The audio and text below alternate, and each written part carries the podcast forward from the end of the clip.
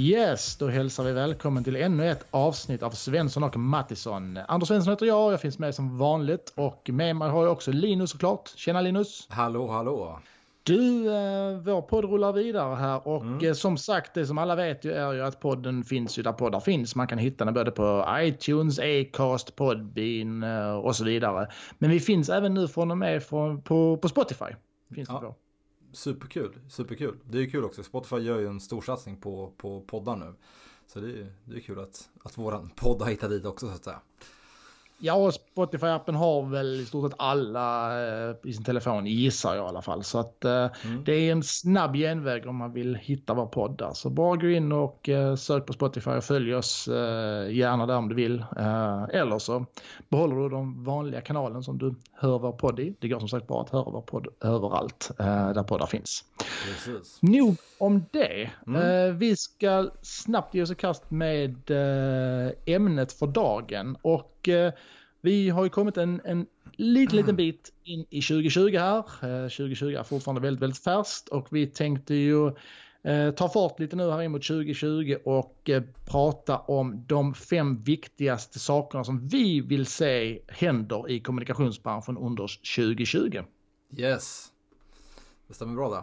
Och då har vi tagit, eh, vad ska man säga, vi har väl tagit hjälp av varandra så att säga. Mm, mm. Eh, du eh, har bidragit med två grejer på listan, jag har bidragit med två och sen har vi gemensamt ja. hittat den sista femte punkten då som vi tycker är, är någonting vi verkligen, verkligen vill se sker här under 2020. Precis. Och det här är ju ingen så att säga, det är ju utan inbördes rangordning. Alltså det är inte så att vi, vi tycker att någonting är viktigare än det andra. Det är klart att det går att säga att någonting är viktigare än det andra men, men vi har inte gjort någon intern ranking här utan vi har helt enkelt bara listat de fem viktigaste sakerna eller de mest prioriterade sakerna som vi verkligen vill se inträffa här nu för kommunikationsbranschen. Eh, och jag tänker att Linus, du ska ju få äran att dra igång eh, den här listan då med den första punkten eh, på vad vi vill se här nu eh, sker under det kommande året som vi har framför oss. Ja, precis, precis. Och jag satt och klurade lite på det här förut vad jag tycker ska bli de alltså, viktigaste att, för kommunikationsenheter att, att tänka på nu och försöka jobba med lite mer framöver under 2020 här, det kommande decenniet om man säger så. Eh, men det jag kommer att tänka på som jag tycker är superintressant och relevant är att jag tror många alltså, avdelningar, kommunikationsavdelningar måste bli bättre på statistik, analys och eh, uppföljning. Eller framförallt analys och uppföljning av, av ens innehåll, av ens olika kommunikationsinsatser. Jag upplever att det görs allt för lite idag. Och jag tror att kanske extra påtagligt kanske i offentlig sektor jämfört med, med, med den privata. Jag får lite intrycket eh, där. Att man liksom följer upp, följer upp de facto liksom hur har det här gått? Eh, kan vi tweaka på det, utveckla det till nästa gång på olika sätt. Men också material som ligger ute och rullar och är skarpt. Att man kan liksom kanske byta rubriker, bilder och sådär. Och kolla framförallt data då, liksom hur, hur de här grejerna gått på olika sätt. Så jag tror att eh, ja, man, man måste, måste bli bättre på, på det, eh, särskilt inom offentlig sektor. Delar du den bilden annars eller? Ja, men det tycker jag. Och jag um, håller med dig också när du sa att uh, den privata sektorn kommit lite längre. Och det har ju kanske sina naturliga förklaringar också att de har en annan drivkraft ju. Alltså de, de driver ju av att tjäna pengar, eh, ska ju kränga saker, har ju en så att säga större motivation till att mm. göra uppföljningar och analysera och så vidare för att man just ska vara effektiv i sin kommunikation. Ju. Men det är mm. som du säger, att, eh, jag tror också att privat sektor kan bli bättre, absolut. Men, men definitivt offentlig sektor tror jag. Eh, jag brukar säga någonstans att eh, när man, många tror jag tycker att man är färdig den dagen man trycker publicera på någonting. Alltså man, ja. Innan är det ju väldigt, väldigt mycket förberedelse. Det är många frågor att ställa sig. Man ska liksom ställa sig frågor om syfte, målgrupp, eh, konsekvensanalys mm. och så vidare. Film, Insta, Facebook eller vad ska vi köra? Publicera på kvällen, dagen. Där är man ju börjar man i alla fall, tycker jag, bli bättre och mer grundlig eh, i sina förberedande grejer. Men sen så är det fortfarande rätt mycket att när man trycker publicera så, ja ah, men det, nu var det klart liksom. Så, nu går vi på nästa grej och så tar vi en kaffe däremellan. Eh, mm. jag brukar säga att man har ju bara kommit halvvägs när man har tryckt publicera. Du har ett lika digert arbete kvar att göra eh, med så att säga, uppföljning och analysen. Ja. Um, och, just, där just... man just det jag var inne på också det här när det ligger också att skarpt ute att man kanske ska börja jobba lite mer med att som jag nämnde precis att kanske vara beredd att kanske byta lite rubriker, bilder och sådär om man ser att, att det inte går så bra så att säga. Eh, ja, börja tänka lite mer så. Det tror jag, tror jag blir superviktigt också. Och du vet, det har ju vi framförallt, kanske du och jag, liksom erfarenhet från våra jobb tidigare som eh, framförallt som webbredaktörer på olika nyhets... Eh, att man jobbar mycket där, jobbar, jobbar liksom med, mot, vad ska man säga, realtidsstatistik mot eh, Google Analytics och så vidare. Ja, det har ju kvällstidningarna gjort de senaste alltså, 10-15 åren så ja, har det varit vedertaget på kvällstidningar. Så, så um, det är inget nytt inom mediebranschen så, men jag tror att man i viss mån kan applicera det även på liksom kommunikation i offentlig sektor också.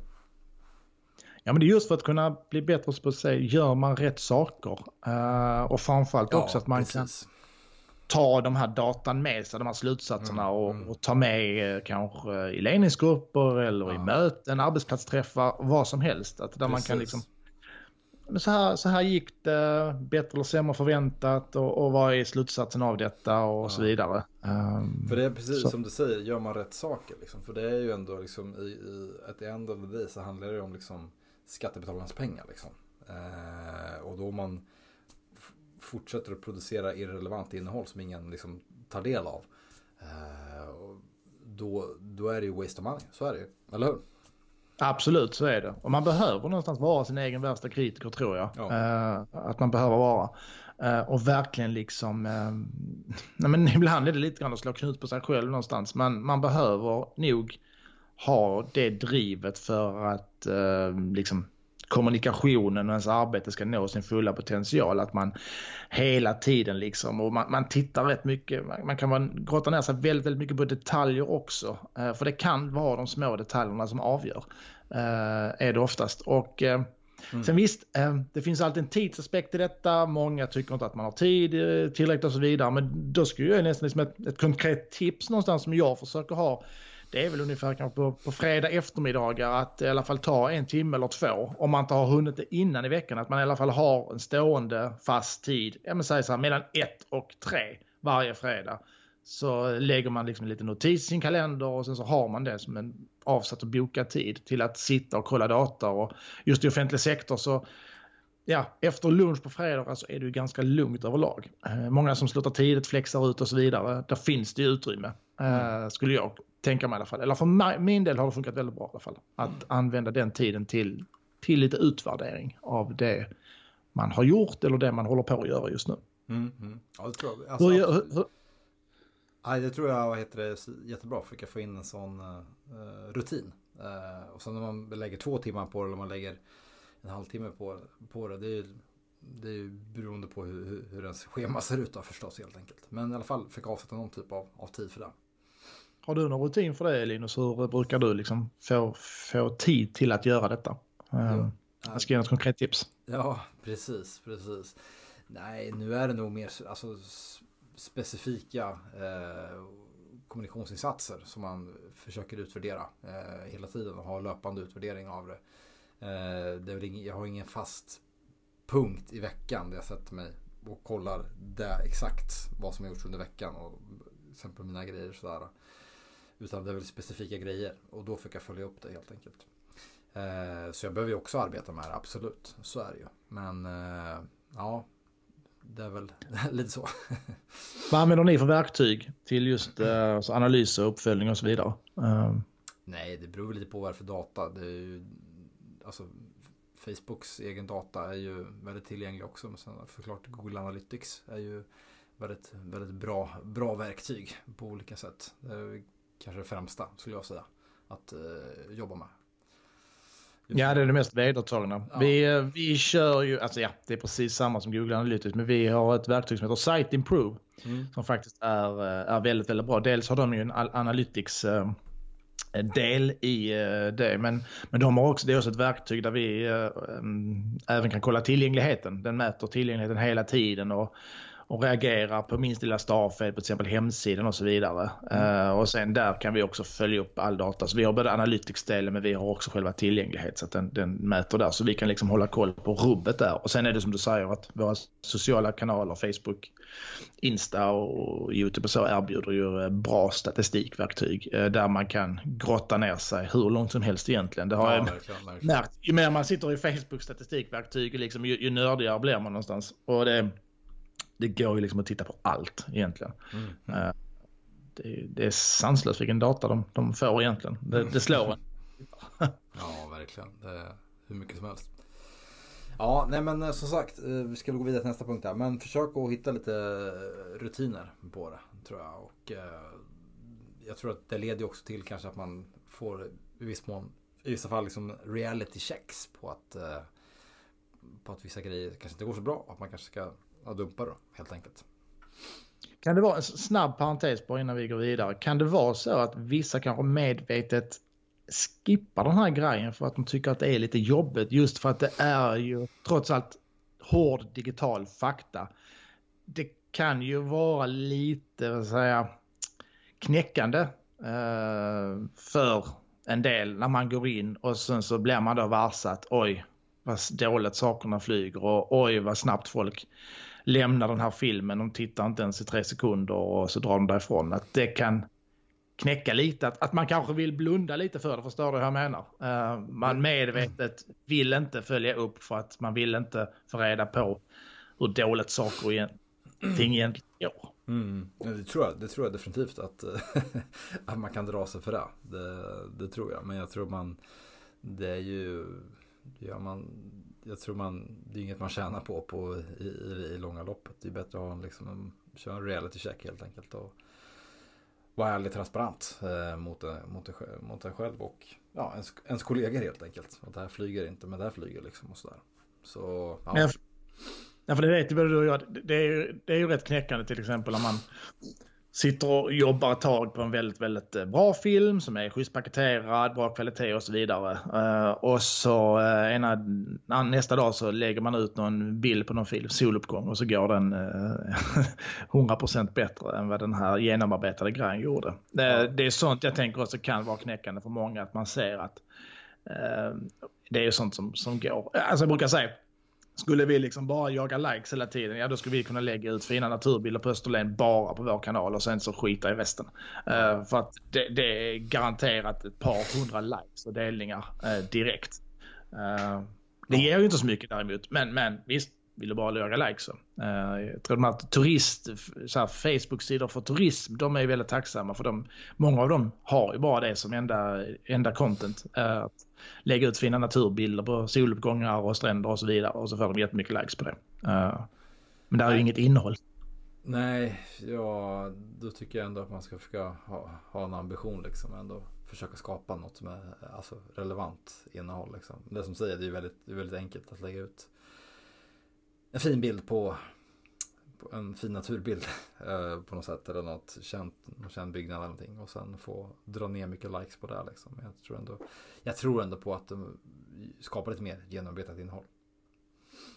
Jag tror också det. Så att eh, nej, jag tycker också att man ska inte vara rädd för det. Se det istället som ett fantastiskt facit och eh, försök att faktiskt dra nytta av det. Um, och, och se det som en tillgång istället snarare än att det, det är någon som, som står och gnuggar i facet och säger att man är kass. Um, för att mm. visst, det, det, tar man statistiken på fel sätt så kan man ju verkligen tycka att det är jobbigt att få det. Jag, jag vet, jag har hört kommunikatörer som, som har sagt det också rent av att oh, ja, men det är så tråkigt att och se för det är ju aldrig det som ger mest som man vill ska ge mest. Nej, så kanske det kan vara. Men, men vi får inte glömma bort heller vem vi, vilka vi finns till för. Att det är inte vad, vad du och jag eller någon annan tycker är, är bra. Utan man får ju faktiskt ha, så att säga, utifrån in-perspektiv. Det ska, ju, det ska ju vara sånt som, som följarna går igång på. Ja, um, det handlar just om det här att, att titta utanför och inte kommunicera inifrån och ut. Uh, vilket många offentlig sektororganisationer uh, lätt gör.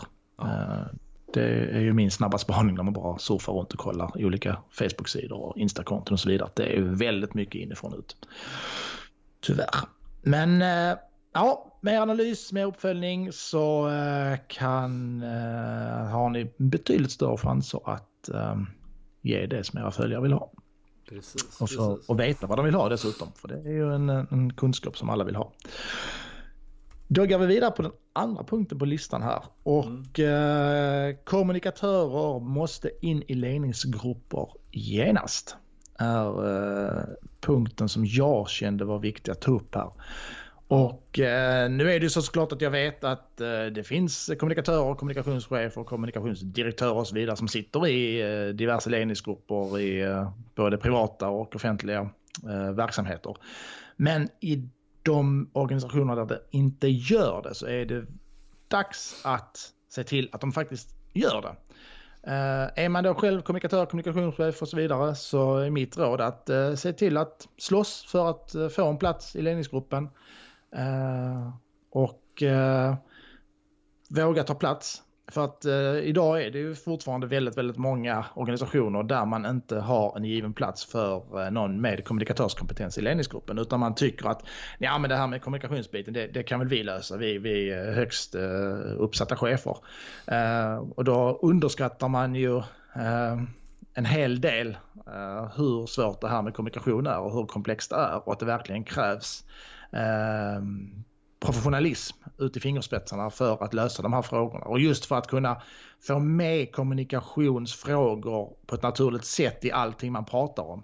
För det kan ju vara att man sitter i en ledningsgrupp, eh, diverse avdelningschefer och så vidare och så pratar man om olika saker men man glömmer helt kommunikationsaspekten och man förstår kanske inte ens att det här är någonting som vi måste kommunicera och om vi inte kommunicerar detta så kommer det här kanske leda till en förtroendekris eller någonting annat och så vidare. Medan sitter det en kommunikatör eller en kommunikationschef i ledningsgruppen så kan den ju hela tiden ha liksom kommunikationsögon på det och kunna liksom räcka upp handen och säga det där ni pratar om där, det, det är viktigt, det måste vi göra någonting på, det där har vi fått mycket frågor om och så vidare. Um, de organisationer och verksamheter som aspirerar på att kunna kalla sig moderna kommunikativa organisationer måste helt enkelt ha in någon med kommunikationskompetens i ledningsgruppen. Uh, har man inte det så är det dags under 2020, tycker jag i alla fall. Uh, och då är frågan då, håller du med mig Linus? Mm.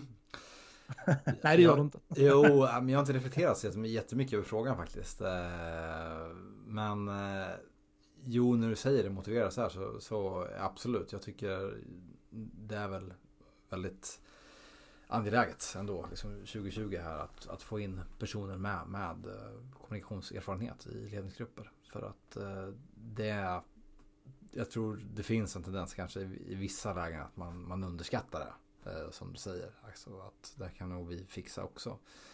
Men jag menar, har man liksom som jobbar med kommunikation i, i 20-30 år så är det ju en jäkla skillnad jämfört med att man inte har jobbat med kommunikation eh, tidigare. Så ja, nej, jag tror att det, det, är en, det är en bra, väldigt bra, bra spaning så att säga. Sen är det svårt att säga, jag vet inte exakt hur det ser ut i alla ledningsgrupper i, i, i landet så att säga. Det verkar som att du har lite mer eh, inblick i din, din, vad heter det, närhet så att säga. Att det, det är dåligt med, med kommunikationsfolk i ledningsgrupper, eller? Ja, alltså jag har ingen statistik på det överlag. Eh, jag tror det, det varierar ju väldigt, väldigt mycket. Eh, jag tror nog att i de här större kommunerna eh, eller större offentliga sektorerna och större så att säga privata företagen, där tror jag att man, eh, man har en, en plats för, för kommunikatörer. Men, men snarare de här medelstora och mindre tror jag nog att det fortfarande är rätt så vanligt att man inte har någon så att säga, kommunikatör som sitter med i ledningsgruppen. Och det är som du säger, tror jag också att man, man eh, kanske inte riktigt eh, tar den här frågan på allvar och man underskattar den väldigt, väldigt mycket också. Och man tror ju liksom att, nej men, man, man, man kan bäst själv, tycker man. Och vi, vi, vi är högt uppsatta chefer, högt avlönade, eh, vi har koll på det mesta, varför skulle inte vi kunna ha koll på kommunikation också? Eh, jag kan säga att det, det, jag har stött på väldigt, väldigt få chefer som då inte har varit kommunikationschefer, utan andra chefer. Som, eh, jag tror inte jag stött på någon som behärskar det här med kommunikation eh, mm. fullt ut, utan mm. de behöver verkligen hjälp eh, med det. Eh, och det kan vara så enkelt bara som att, att ställa de enkla frågorna. Uh, att uh, där finns någon på mötet som bara lyfter de här frågorna. Liksom kommunikationsperspektivet på det hela. Mm. För att det är så otroligt, vad ska man säga, fatalt för en organisation när kommunikationen inte fungerar, varken externt och framförallt internt också. Det ska vi inte heller glömma bort att den interna kommunikationen är ju minst lika viktig och inte minst när man jobbar i en, en stor organisation som då lätt säga, offentlig sektor är. Mm. Så, så säga, funkar inte kommunikationen, ja, men då, då, då funkar inte organisationen så som det ska. Så att kommunikationen genomsyrar allting man gör. Uh, och att då inte ha med någon som är proffs på kommunikation i ledningsgruppen skulle jag vilja säga. Det, det är ett självmål av Guds nåde. Mm. Yes, yes. Du, ska vi gå vidare till uh, tredje punkten? Tycker jag. Mm. Vill du läsa upp den eller ska jag ta den? Tar du den? Det är ju din. Ja, det är min. bidrag. Jag vet. Vi har ju tjatat om det här tidigare, framförallt jag då liksom. Men uh, det jag skulle lyfta fram inför 2020 och även framöver kommande decenniet. Det är att eh, vässa och växla upp sin egen inhouse verksamhet och göra, skapa en riktigt, riktigt bra liksom inhouse-produktion eh, på, på olika sätt. Och man kan göra det ändå ganska kostnadseffektivt. Eh, och dra ner på eh, byråkostnaderna ganska rejält. Så man äger själva produkten själv.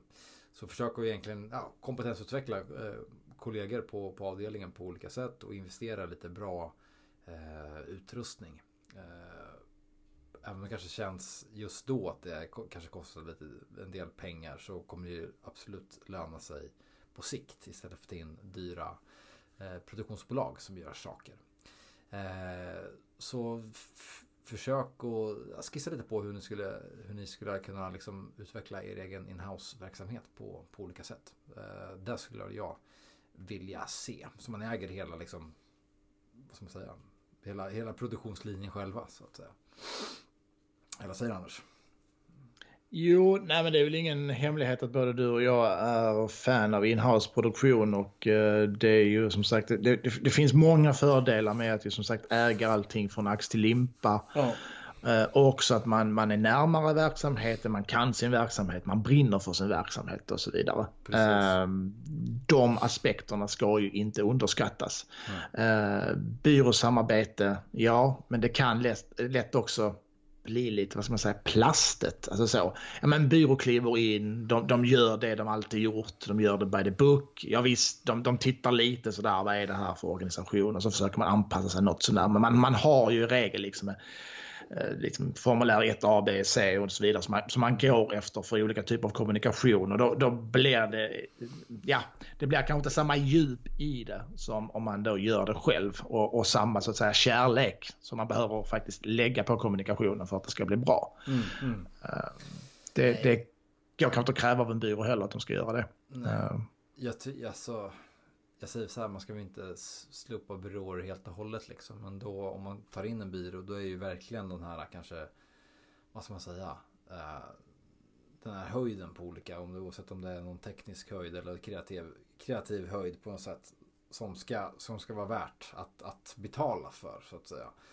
Jag har sett många exempel på när jag jobbat med kommunikation, många liksom byråer som kommer in som, ja, jag vet inte, det är inte jag tycker inte det är värt, värt att betala det man betalar för så att säga. Så det ska vara verkligen, det ska vara verkligen så här top notch höjden för de, för de pengarna. Och jag tror också anledningen till att ta upp det här också, det är ju kanske framförallt som man ser i kommunvärlden som jag har en bakgrund i och du jobbar ju där nu. Det är ju åtstramningar som kommer vara de kommande åren här och då man kan påvisa att vi alltså, att, man, att man tar hand om skattebetalarnas pengar på ett, eh, på, på, ett bra sätt genom att skapa mycket inhouse så det ju, finns det ju ett värde i, i sig i det så att säga för ens varumärke på olika sätt. Ja, nej men både ha, det, det, är både kostnadseffektivt och mm. tidseffektivt att, uh, ja. att producera inhouse själv. Och då brukar jag säga att saknar man liksom väldigt efterfrågad kompetens i en organisation, jag menar anställ den då. Om man nu säger att det här är en kompetens vi verkligen behöver och den behöver vi varje dag, eh, 52 veckor om året. Ja men då finns det ingen anledning att inte anställa den personen och jag kan nog lova att det blir billigare i slutändan och ni kommer få betydligt mer utav pengarna. Um, och det är som du säger, byråsamarbete, ja det kan ju vara så här engångsföreteelse när det är någonting man säger att ja men det här det här liksom är, är nu once in a lifetime. Det här kommer vi bara göra nu. Eh, och det här eh, har en viss typ av avancerad nivå. Eh, eller här behöver vi ha en, någon utifrån som går in och tittar på ja, men hur ska vi göra här och så vidare för att vi inte ska bli hemmablinda. Men just de här egna unika tillfällena när det verkligen är motiverat och det kan absolut finnas tillfällen då det är det. Men jag tycker också att det kravet ska man också ställa på en kommunikatör nu under 2020 att den ska kunna lösa i stort sett alla kommunikationsfrågor tycker jag. För så eh, pass bred tycker jag att en kommunikatör måste vara. Sen är jag helt inne på att det finns olika typer av kommunikatörer, man är specialist på olika områden. Vissa är en fena på att uh, intern kommunikation men, men kan inte Facebook och Instagram alls och vissa är tvärtom. Men jag tror ändå på att man måste ha en, en väldig bredd idag. Uh, och eh, eh, kunna lösa det mesta faktiskt. Eh, och som sagt, har man då inte det här sitt kommunikationsgäng eh, någon saknar man någon spetskompetens, ja men titta då istället på om vi inte kan anställa den. Men jag vet ju vissa, det gör ju mig ibland lite mörkare när jag ser vissa, framförallt offentlig sektor, som nästan har som, som strategi att de, de gör allting via en byrå. Och så sitter det en kommunikatör som mer eller mindre bara är, är beställare. Uh, och då undrar jag ju, det, det är ju slöseri med kompetens va? Men vad, vad, vad ska då kommunikatören göra? Ska den sitta och vara beställare bara och inte göra någonting själv? Mm. Hela tiden bara ja, men liksom, skicka fram och tillbaka. Eh, det är ju inte hållbart någonstans och jag är helt övertygad också om att det, det där innehållet som produceras inte blir så bra som det skulle kunna vara.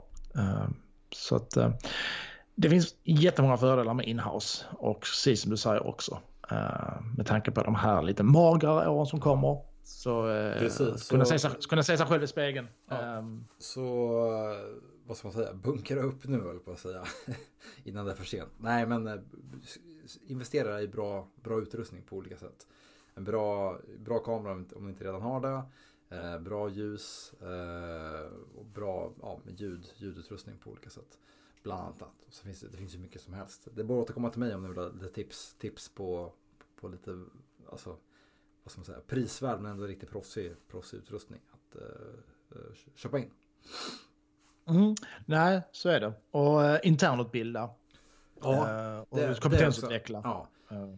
Kompetensutveckla varandra. Det brukar jag alltid tjata om. När jag kommer till olika arbetsplatser. Kompetensutveckla varandra på olika sätt. Det är alltid kanske någon som är väldigt duktig på att filma. Den kan utbilda de andra. Någon som är duktig på att fota. Den kan utbilda de andra. Någon som är duktig på att skriva. Utbilda de andra. Så dra nytta av varandras, eh, vad heter det, eh, olika kompetenser helt enkelt. Kompetensutveckla varandra. Det tror jag få till en sån, få till en sån kultur liksom helt enkelt. Och att man jag vet inte om det finns, jag, jag är väldigt prestigelös på det sättet. Men det kanske finns folk som inte vill släppa på sina kunskaper och eh, utveckla andra människor. Jag vet inte, men eh, jag, jag, tycker det är superviktigt. Eh, viktigt för att liksom, ja, för att en avdelning ska växa och eh, drivas framåt. Ja, nej det känner ingen på att någon, någon eller några få sitter och håller på kunskap och inte delar med sig. Um, och jag tycker också där, nej men det, det, kommer lite in på det här så agila arbetssättet som ju är lite modeord framförallt i offentlig sektor. Att man ska jobba väldigt eh, så här, blocköverskridande, vad man säga om man då pratar politik. Nej men det, det ska inte finnas några stuprör, eh, man ska jobba över förvaltningsgränserna, man ska jobba vad säga, horisontellt och inte vertikalt.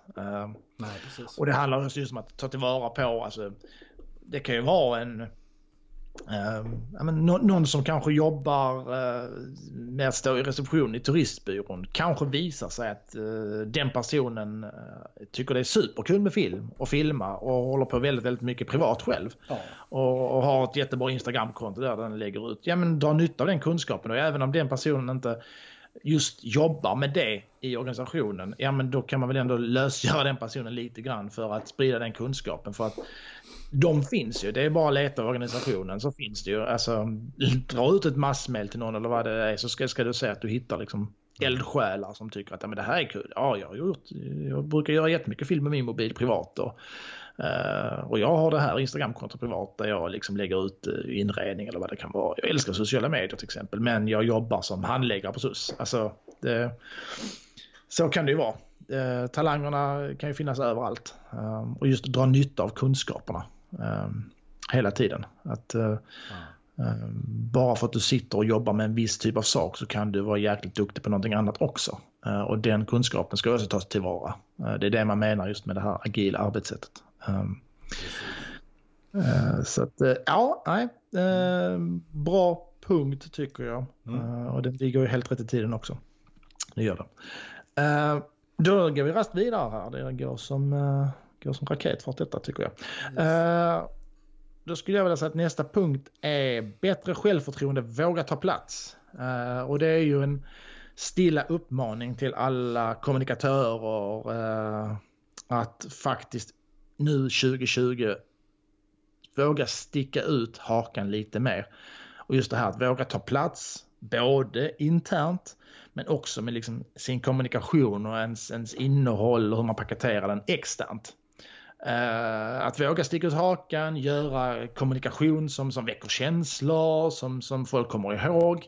Ja. Våga testa gränser. Uh, man behöver inte vara dum uh, för det utan normalt sunt konsekvenstänk räcker, eller konsekvensanalys. Men också internt framför allt, att våga, våga vara den här experten, ta på sig den här proffsrollen någonstans. Att ja, men det, det här kan jag. Eh, kom till mig om det är kommunikationsgrejer. Jag kan detta. Jag vet hur det ska göras. Eh, och så kan ni liksom sköta andra saker.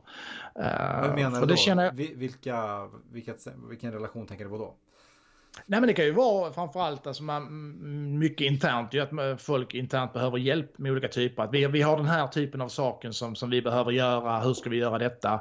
Ja, kom till mig, det vet jag. Våga ta den här självklara expertrollen.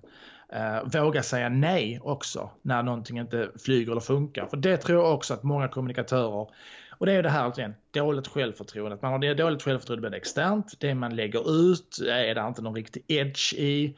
Eh, det är lite platt, det är lite tillrättalagt, det är politiskt korrekt och så vidare. Eh, man vågar liksom inte, eh, man vågar inte så att säga riskerar att uppröra någon överhuvudtaget och då blir kommunikationen rätt så platt, faller rätt så eh, liksom, säga, obehindrat förbi. Men även internt också att man, man liksom inte bara är en, en verkställare av någonting, att någon kommer att Nej, vi, vi vill ha ut det här på Facebook.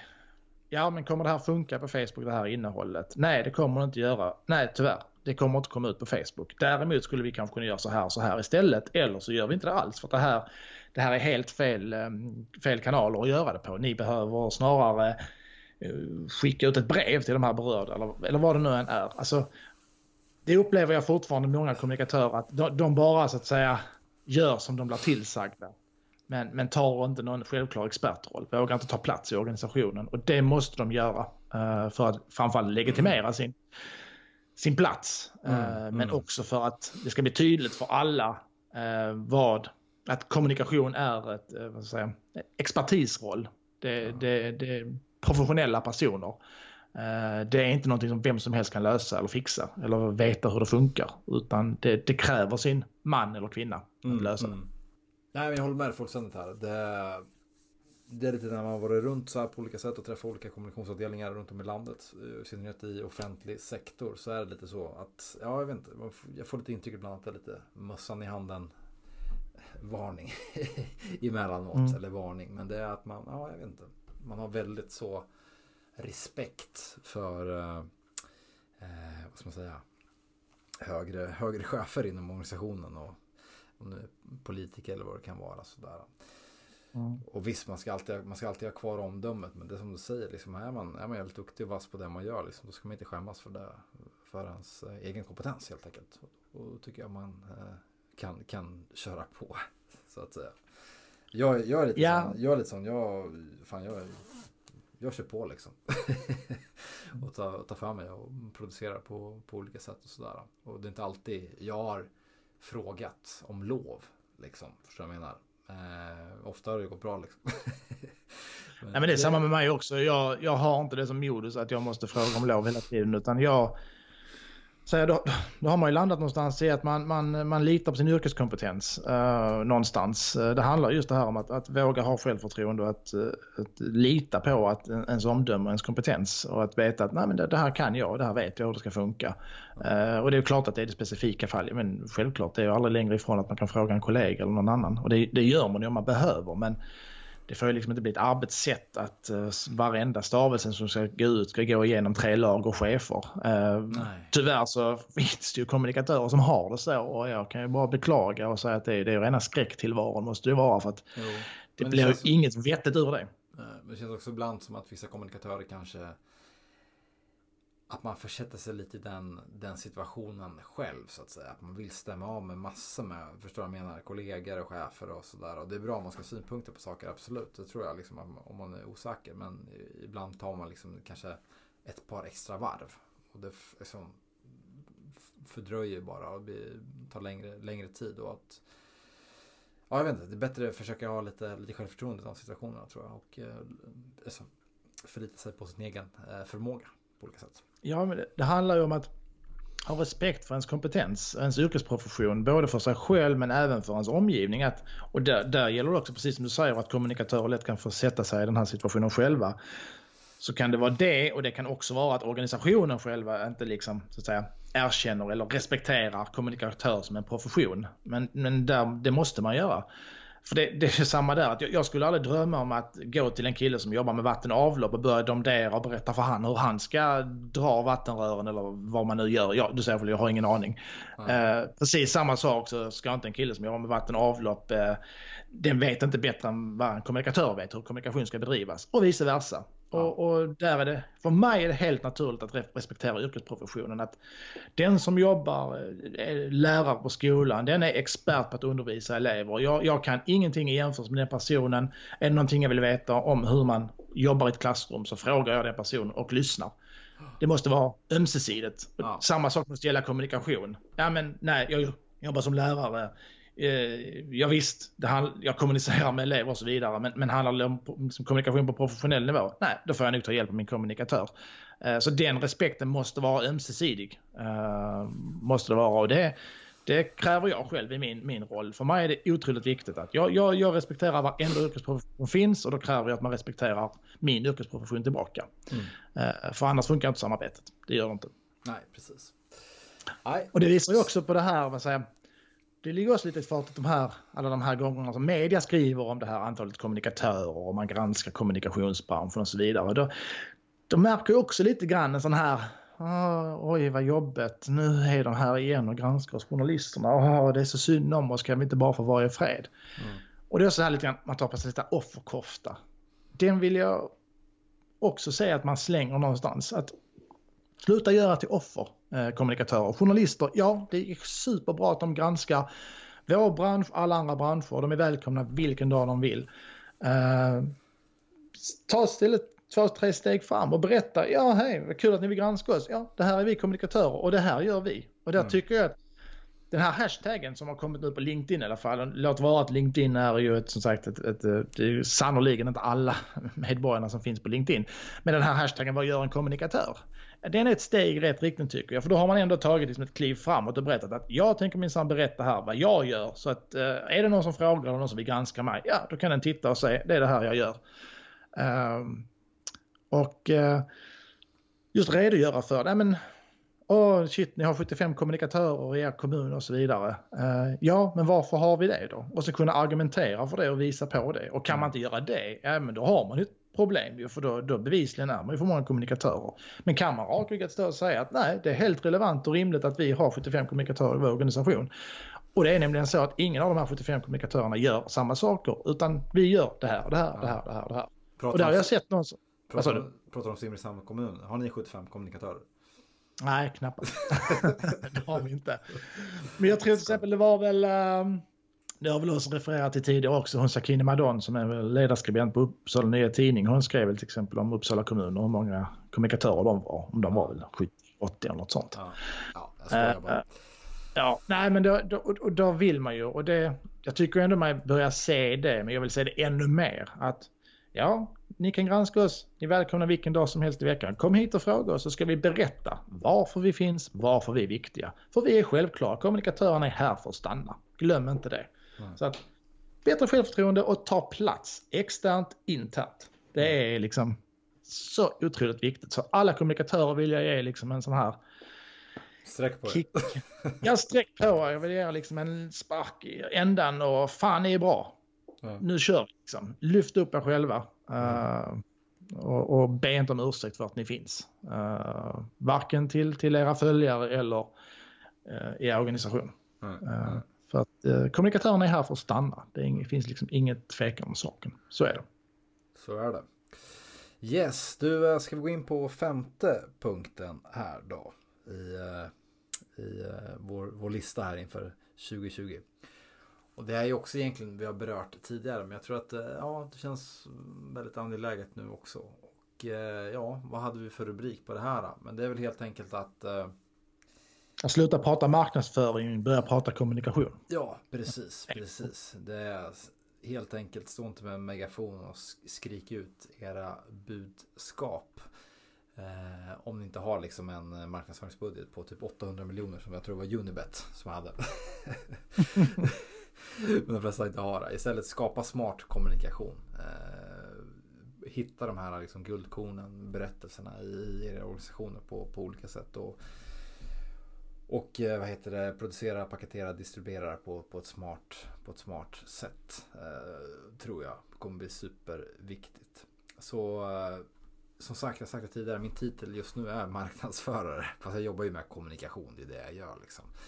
Så, men mindre, egentligen mindre marknadsföring, alltså traditionell marknadsföring och satsa mer på, på kommunikation och kommunicera också. tror jag är superviktigt, alltså kommunicera i, i alltså, jag pratar om sociala kanalerna. Eh, prata med era följare där helt enkelt. Ställer de frågor, svara där och bjud in till, till konversation på olika sätt. Kommunicera. Precis, ja men det är helt rätt. Och eh, ja, men det är ju så att ska man liksom ta ena vågskålen har man marknadsföring och nästa vågskål har man sociala medier och så försöker para ihop dem någonstans. Ja, det går inte riktigt för de är någonstans varandras motsatser. För marknadsföring, ja, vad är det någonstans? Ja, det är en, en megafon, det är envägskommunikation, det är någon som vill sälja något till en kund. Alltså det, det, är en säljare som vill ha en köpare. Uh, där finns liksom inget annat intresse däremellan. Alltså säljarens enda intresse är att sälja. Ja. Och den vill hitta så många köpare som möjligt. Något annat intresse har inte den personen. Mm. Däremot så sociala medier, då hör man sociala medier, du måste vara social. Det kräver det. Alltså funkar inte marknadsföring i sociala medier. Nej. För att där kräver det helt andra spelregler som gäller. Där pallar vi inte med de här krängarna, de här säljsnacken, megafonerna och så mm. vidare. Och det ser man ju också att reklamtröttheten har väl aldrig varit så hög. Jag tror också att i i Norden var, nu kommer jag inte ihåg siffran, men det var enormt många exempel som hade adblocker inställda på sina datorer. Uh, i, i, Norden. Ja. Uh, och det är just att säga också, ja, men, reklam, vi hatar reklam på tv, vi hatar att få uh, reklam i mailkorgen, det är spam, vi hatar att se det i vårt flöde. Ehm, utan det, det, det, här krävs det någonting annat och det, det är ett betydligt mer, så att säga, vad man säga, tålamodsprövande, grundligt arbete som måste till. För just det här att liksom lägga på en, en liten banner med lite säljbudskap och extra pris 9,90 och så vidare. Och sen lägger man på eh, tusentals kronor på spons på det. Mm. Ja, det är skitenkelt att göra. Det, det kan jag göra. Jag, jag, kan göra en annons här och nu. Om 15 minuter kan jag liksom lägga ut den och trycka ut en massa pengar. Det är skitenkelt att göra. Och sen kan jag ju tycka att jag har gjort mitt jobb.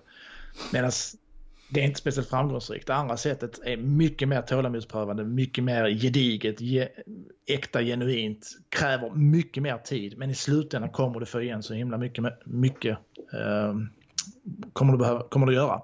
Mm, mm. Och det är det här att inte, inte sluta vara så himla krängig, sluta uppfatta som krängig, var inte krängig utan bara liksom var, så säga, bara ge och ge och ge hela tiden brukar jag tjata med sociala medier. Du ska bara ge hela tiden. Så får du se om du får. Om det är tillräckligt bra så kommer du få.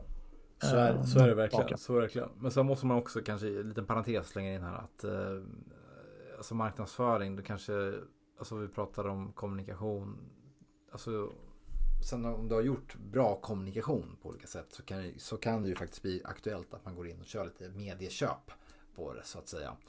Men vi menar ju, när vi snackar om marknadsföring i det här fallet så är det mer som du säger så att man inte, kanske undvika att stå och skrika ut bara liksom med, med, med megafonen helt enkelt.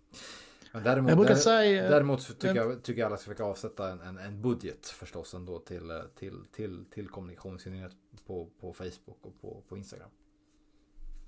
Ja, och det ska ju någonstans då vara grädde på moset någonstans. En liten, liten, så här, en liten krydda. Men, men, uh... men, men, men det, är, det, det är bra att säga. Jag menar, eh, dåligt innehåll kommer alltid vara dåligt innehåll. Och det blir inte bättre om du pumpar in liksom 40 000 i ett inlägg. Förstår du vad jag menar? Det blir inte bättre Nej. innehåll av det. Eh, däremot om du har ett jävligt vasst inlägg på olika sätt. Eller en bra film eller vad det kan vara. Och du pumpar in ett par tusen lappar i det. Så finns det ju väldigt stor, stor chans att du får ännu bättre spridning. Så, att säga. så kan man säga. Jag skulle vilja säga att fokus bör vara, där, där kan vi verkligen prata till eh, privata sektorn, att, att, fokusera på att göra världens bästa produkt och lita sen på att algoritmerna gör jobbet åt er. För det, ja. för det kommer de att göra. Har ni en grym produkt som är den bästa som finns på marknaden, vad det än nu är ni gör, ja då kommer folk att välja er. Och ju fler som väljer er, desto mer kommer algoritmerna att peka på er. Och är det också någonting som kommer vara slående här under 2020, det är ju hur algoritmstyrt allting kommer vara som vi gör. Uh, och det är därför jag menar också att det här med varumärken, det, det är fortfarande väldigt, väldigt mycket prat om varumärken. Och ja, eh, varumärken har ett värde i sig, kan det ha, men det har allt mindre och mindre värde just för att det kommer vara så under 2020 eftersom vi är algoritmstyrda. Att vi kommer vara allt mer, så att säga, vi är allt mer produktfixerade. Vi vill ha den bästa produkten. Ja, men om det sen är Ericsson, Siemens eller Sony eller eh, Apple som gör den, det struntar vi i är den den bästa produkten så vill vi ha den och vi bryr oss mindre om märket. Eh, just för att algoritmerna pekar oss rätt någonstans. Det var, jag, jag tror jag såg ett, eh, ett LinkedIn-inlägg nu här kring nyårsdagen som var rätt intressant som någon la ut. Jag, jag kommer inte ihåg ordagrant men det var ju det här med nyårsdagen när det är uh, uh, stora pizzadagen när alla beställer pizzor. Uh, och då var det en person som hade ju använt sin den här Google, vad heter det, Google Home. Han hade en sån installerad i sitt hem. Ja. Och hade väl bett liksom, hej Google, jag vill ha en Hawaii-pizza eller vad man säger, eller kört test. Jag kommer inte ihåg om det var Sverige eller USA eller vad det var. Ja, han hade ju fått då eh, en pizza hemkörd då. Från då den bästa pizzerian i kvarteret där han bodde. Ja. Uh, han hade ingen aning om var pizzan kom ifrån utan den bara kom hem till honom uh, och var hur god som helst. Just att algoritmerna styrde honom rätt. Att de bara, ah, du bor här, du vill ha en Hawaii-pizza, ja då är det hit du ska gå. Och det sa han också att jag, jag, jag hade inte en aning om vilken pizzeria jag beställde ifrån. Jag bryr mig inte heller. Jag vill bara ha en god pizza. Um, det tycker jag är rätt så intressant, uh, den ja. lilla spaningen. Uh, att det, det, kommer mer och mer bli så. Så därför tror jag att det här tjatet om liksom, bygga varumärken och så vidare, jag vet inte fan om inte det, det kommer bli allt mindre viktigt här under 2020. Um, ehm, eller vad tror du? Eller vad menar du, bygga varumärken? Alltså... Ja, men just att det, det vi kommer inte vara så var, varumärkesfixerade. Alltså vi, vi kommer strunta i vad, vad, är det för typ av märke. Vem är det som har gjort den här produkten? Mm. Utan vi vill bara ha den för att det är en bra produkt. Uh, sen om det är det eller det företaget spelar ingen roll för oss. Medan många verkar ju tro att det här med att bygga varumärken och ha värdegrund och så vidare är, är jätteviktigt. För att idag handlar ju folk, då, ja, ja, du vet ju själv hur alla ja, tänker. Precis. Jag förstår, absolut. Eh, kanske inte jag skulle inte kanske säga att det gäller kanske alla branscher liksom. Det är bara att se det, till exempel det jag jobbar med. Det är ju ändå, jag jobbar med vad heter det, studentrekrytering på ett universitet och jag menar, det är ju ändå, vad ska man säga, Lund och Uppsala universitet är ju fortfarande väldigt attraktivt. Förstår du vad jag menar? mm. eh, så ja, eller ja. ja det, det, det, det jag pratar om främst är ju mm. privat sektor. Ja, alltså, precis, vi pratar om varumärken då, att det kommer bli mindre viktigt. Ja, men det är ju privat sektor framförallt ju. Ja. Uh, som, jag, som jag menar då. Uh, ja, offentlig sektor är något annat, men å andra sidan så ska offentlig sektor inte heller kränga någonting. Du ska inte tjäna pengar mer än att uh, man har, det enda pengarna man tjänar är ju folk som bor i kommunen som betalar skatt. Mm. Men man ska inte kränga någonting. men privat sektor är det ju så att det här med, med, med varumärken kan mycket väl bli så att det, det blir allt mindre viktigt för oss. Just, just för att algoritmerna pekar oss rätt. Um, var vi ska någonstans hela tiden.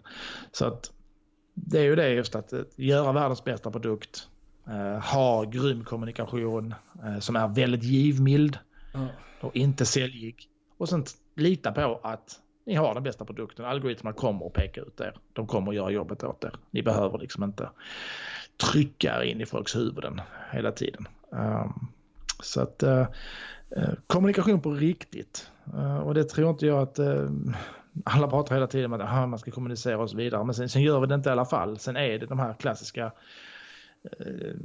det ser liksom ut som en, en ren tidningsannons som, som ligger som ett sponsrat inlägg på Facebook. Jag, jag, ser det dagligen tycker jag. Hela tiden att det dyker upp sponsrade inlägg i mitt flöde som, som ser ut som tidningsannonser. Och där det bara är säljbudskap och där, det, där finns inget värde överhuvudtaget eller inget what's in it for me. Uh, det, man scrollar bara vidare. Det ger absolut ingenting. Nej, uh, nej. Men de har jävla budget. Det är ju det någonstans. Och som du sa, vad sa du? 800 miljoner Unibet? Ja, jag tror det var Unibet eller om det var ja, en av de här stora aktörerna. Det var helt galet. Jag läste deras marknadsförbudget. Det var 800 miljoner. Jag tänk vad de... Närmare en miljard liksom. Helt absurt. Ja, tänk vad liksom bra kommunikativt eh, innehåll de hade kunnat gjort för de pengarna istället. Eh, som, som kanske i slutändan hade, hade gett dem betydligt mer. Ja där tycker jag, ska man då bara dra en snabb eh, spelbolagsparallell så är det ju det här Betsson har gjort som jag tycker faktiskt är bra. Det är den här, har du sett det? Han gamla hockeyspelaren. Jag tror han är, spelade väl i Djurgården förr i tiden. Han Fimpen Eklund. Ja. Uh, Fimpens Resa. Ja, uh, absolut. Som finns ju på sociala medier. Ja, men yes. det, det, det är schysst. Schysst content. Och det, det, det är tydlig Betsson-stämpel. Ja. Det går ingen tvekan om att det är Betsson som står bakom det. Men det är inte liksom det är inte primärt att man ska kränga massa spelodds och så vidare. Nej. Och folk sig, utan det är Fimpen som är ute och besöker olika SHL-klubbar eller hockeyklubbar i Sverige. Det, bra uh, det var likadant med vad heter han, Leisby för några år sedan gjorde de här åkte till England. Det var väl något spelbolag som stod bakom den uh, serien också på Sportbladet. Mm, precis. Så att där, där, det är liksom sådana grejer man, man behöver göra. Uh, det, det är betydligt bättre. Så att jag, jag, hoppas verkligen att fler och fler förstår detta. Men, men som sagt, eh, scroll i det dagliga flödet så, så får man ju liksom varje dag vatten på sin kvar någonstans. Att shit alltså, vad, vad, vad många som fortfarande inte förstår detta. Uh, som bara tror att man ska hålla på och kränga hela tiden och, och liksom vara i folks face hela tiden. Men, men vi, vi har aldrig hatat reklam så mycket som vi gör nu. Uh, Nej, och säljbudskap. Ja, men, kolla på Zlatan. Hur mycket har inte hans gloria falnat nu ju? För att, för att det enda han vill är att kränga saker. Han vill bara kränga saker hela tiden. Mm. Uh, Zlatan ska...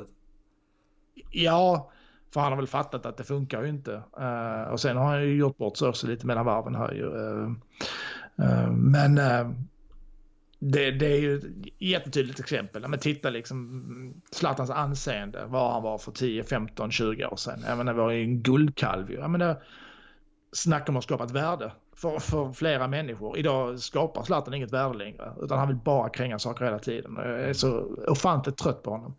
Och det är jättesynd för att det är en fantastisk fotbollsspelare som jag är jävligt tacksam faktiskt att man är född i samma generation som.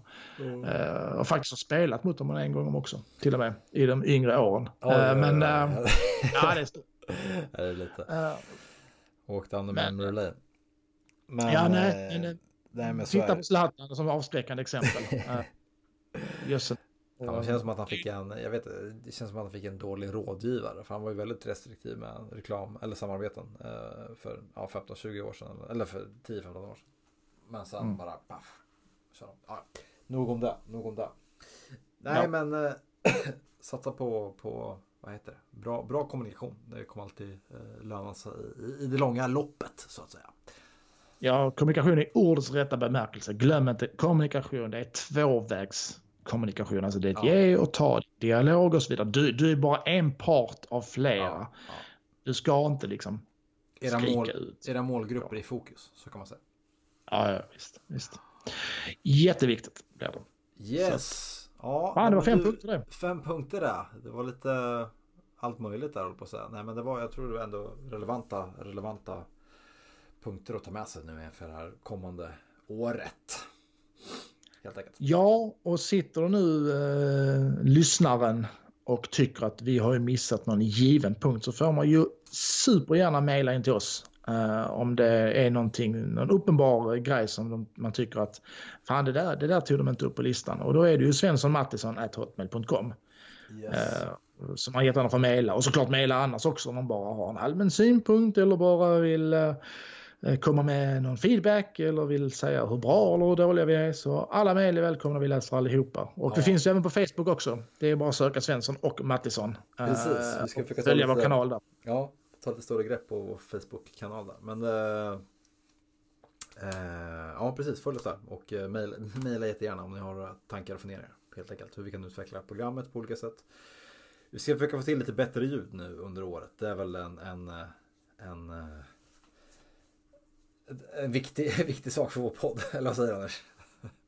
Verkligen. Um, har, det är därför man förstår någonstans var, varför ljudtekniker finns. ja, vi har haft, ja, precis. Men det, jag tror vi, vi är på väg åt rätt håll i alla fall.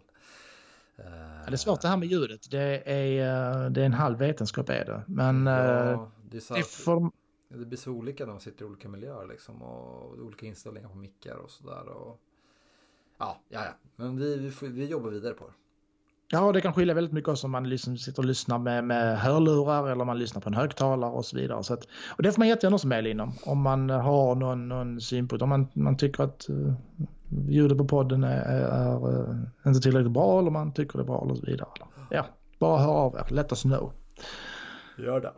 Yes, Gött. men ska vi säga så? Så hörs vi igen om uh, två veckor då. Yes, onsdag om två veckor är vi tillbaka igen. Så alla som har lyssnat får ha det riktigt bra till dess. Ja, ha det fint. Hej då. Hej.